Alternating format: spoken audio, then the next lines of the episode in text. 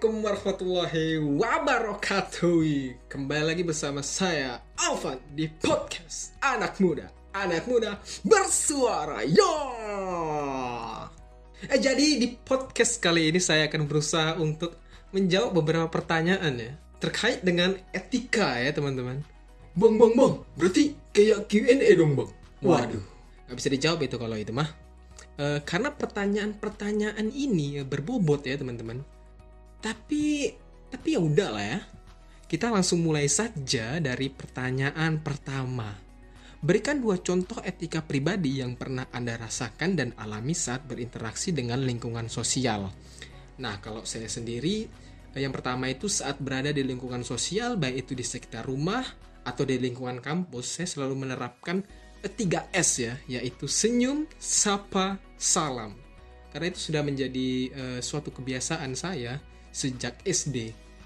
Yang kedua, menghargai perbedaan dalam lingkungan sosial. Menghargai perbedaan di sini bisa dalam bentuk apa aja ya, bisa dari agama, suku, ras.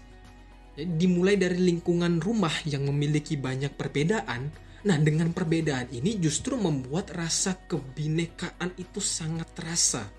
Karena walaupun berbeda, kami tetap saling menjaga toleransi antar satu sama lain. Selanjutnya pertanyaan yang kedua. Apa yang Anda pahami tentang pencitraan dalam praktek kepemimpinan demokrasi di Indonesia? Oke, maksud dari pencitraan kepemimpinan di sini adalah suatu usaha seorang pemimpin yang dengan sengaja menciptakan kesan yang baik atau seolah-olah tampil dengan citra yang baik di mata publik. Padahal tidak demikian aslinya. Tentu saja pencitraan ini dilakukan agar mendapat simpati dan kepercayaan dari masyarakat. Selanjutnya, pertanyaan nomor tiga. Adakah hubungan timbal balik antara etika dengan pencitraan dalam praktek demokrasi? Hmm, menurut saya, ada. Karena etika di sini tidak selalu dalam konotasi yang yang baik ya. Ada ada juga yang namanya etika yang buruk. Sama halnya dengan bau lah ya. Padahal ada yang bau wangi, ada pula bau busuk. Tapi orang selalu mengkonotasikan kalau bau itu bau busuk ya. Hmm, bau kali. Hmm, bau siapa ini? Hmm, kan bau itu kan sebenarnya tidak selalu bau yang busuk, ada juga bau yang wangi. Nah, pencitraan itu termasuk ke dalam etika yang buruk. Dan hubungan timbal baliknya tentu saja orang yang melakukan pencitraan mendapatkan apa yang dia inginkan. Contohnya, dia menampilkan dirinya sebagai sosok penolong, seolah-olah peduli dengan masyarakat. Padahal nyatanya dia nyolong, eh, korupsi. Nah, itu itu tindakan yang sangat tidak bermoral ya. Moralnya itu zero ya. Selanjutnya yang keempat, mengapa fenomena tuduhan pencitraan kerap menempel pada seorang pemimpin?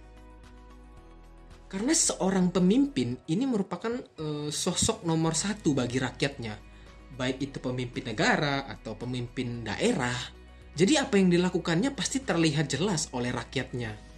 Dan tidak sedikit pula orang yang ingin menjatuhkan pemimpinnya sendiri dengan menuduh pemimpinnya pencitraan.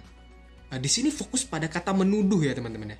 Menuduh ini kan mengatakan sesuatu yang belum benar kepastiannya tapi tentu saja itu kembali kepada pendapat masing-masing orang ya terkait hal itu. Kalau menurut pendapat saya pribadi, tuduhan pencitraan ini terjadi karena memang udah saking banyaknya pemimpin atau pejabat gitu yang ya yang pencitraan. Jadi mindset kita tuh seolah-olah wah pencitraan tuh. Kayak misal uh, ada pejabat yang datang berkunjung ke daerah-daerah kecil gitu. Pasti ada aja itu. Biasanya tuh ibu-ibu malah ya, yang sambil gendong anak gitu kayak Ibunya ngomong, hmm, mimpi apa bapak ini ke sini? Kemarin-kemarin kayak nggak pernah dia ke sini. Dasar pencitraan. Semoga anakku nggak jadi kayak dia besok. Waduh, rupanya anak itu saya. Sebuah plot twist ya. Tapi memang praktik ini dilakukan biasanya dekat-dekat pemilu tuh ya. Jadi nggak heran kalau misalnya orang itu berpikiran bahwa uh, pemimpin ini uh, pencitraan gitu. Tapi kan belum tentu juga sih bapak ini pencitraan ya karena ya itu tadi kita terlalu uh, stereotype atau istilahnya itu kita terlalu mengkotak-kotakkan lah padahal belum tentu juga hanya karena pemimpin A pemimpin B pemimpin C pencitraan bukan berarti si pemimpin D ini juga pencitraan kan Nah, itu sih menurut saya. Selanjutnya yang kelima. Apakah pencitraan selalu bermakna negatif? Jelaskan. Menurut saya tidak juga. Karena pemimpin yang pencitraan pastinya melakukan suatu hal yang positif juga ya untuk mendapatkan rasa simpati masyarakat.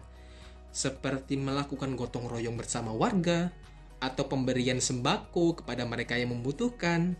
Atau terlepas dari itu pencitraan atau tidak, ada sedikit sisi positifnya. Ingat ya, sedikit negatifnya jelas lebih banyak ya. Ya, itu mungkin yang bisa saya sampaikan di podcast saya kali ini. Mohon maaf apabila ada tutur kata yang salah. Mungkin itu saja yang bisa saya sampaikan. Saya Alvan pamit undur diri. Sekian. Terima kasih.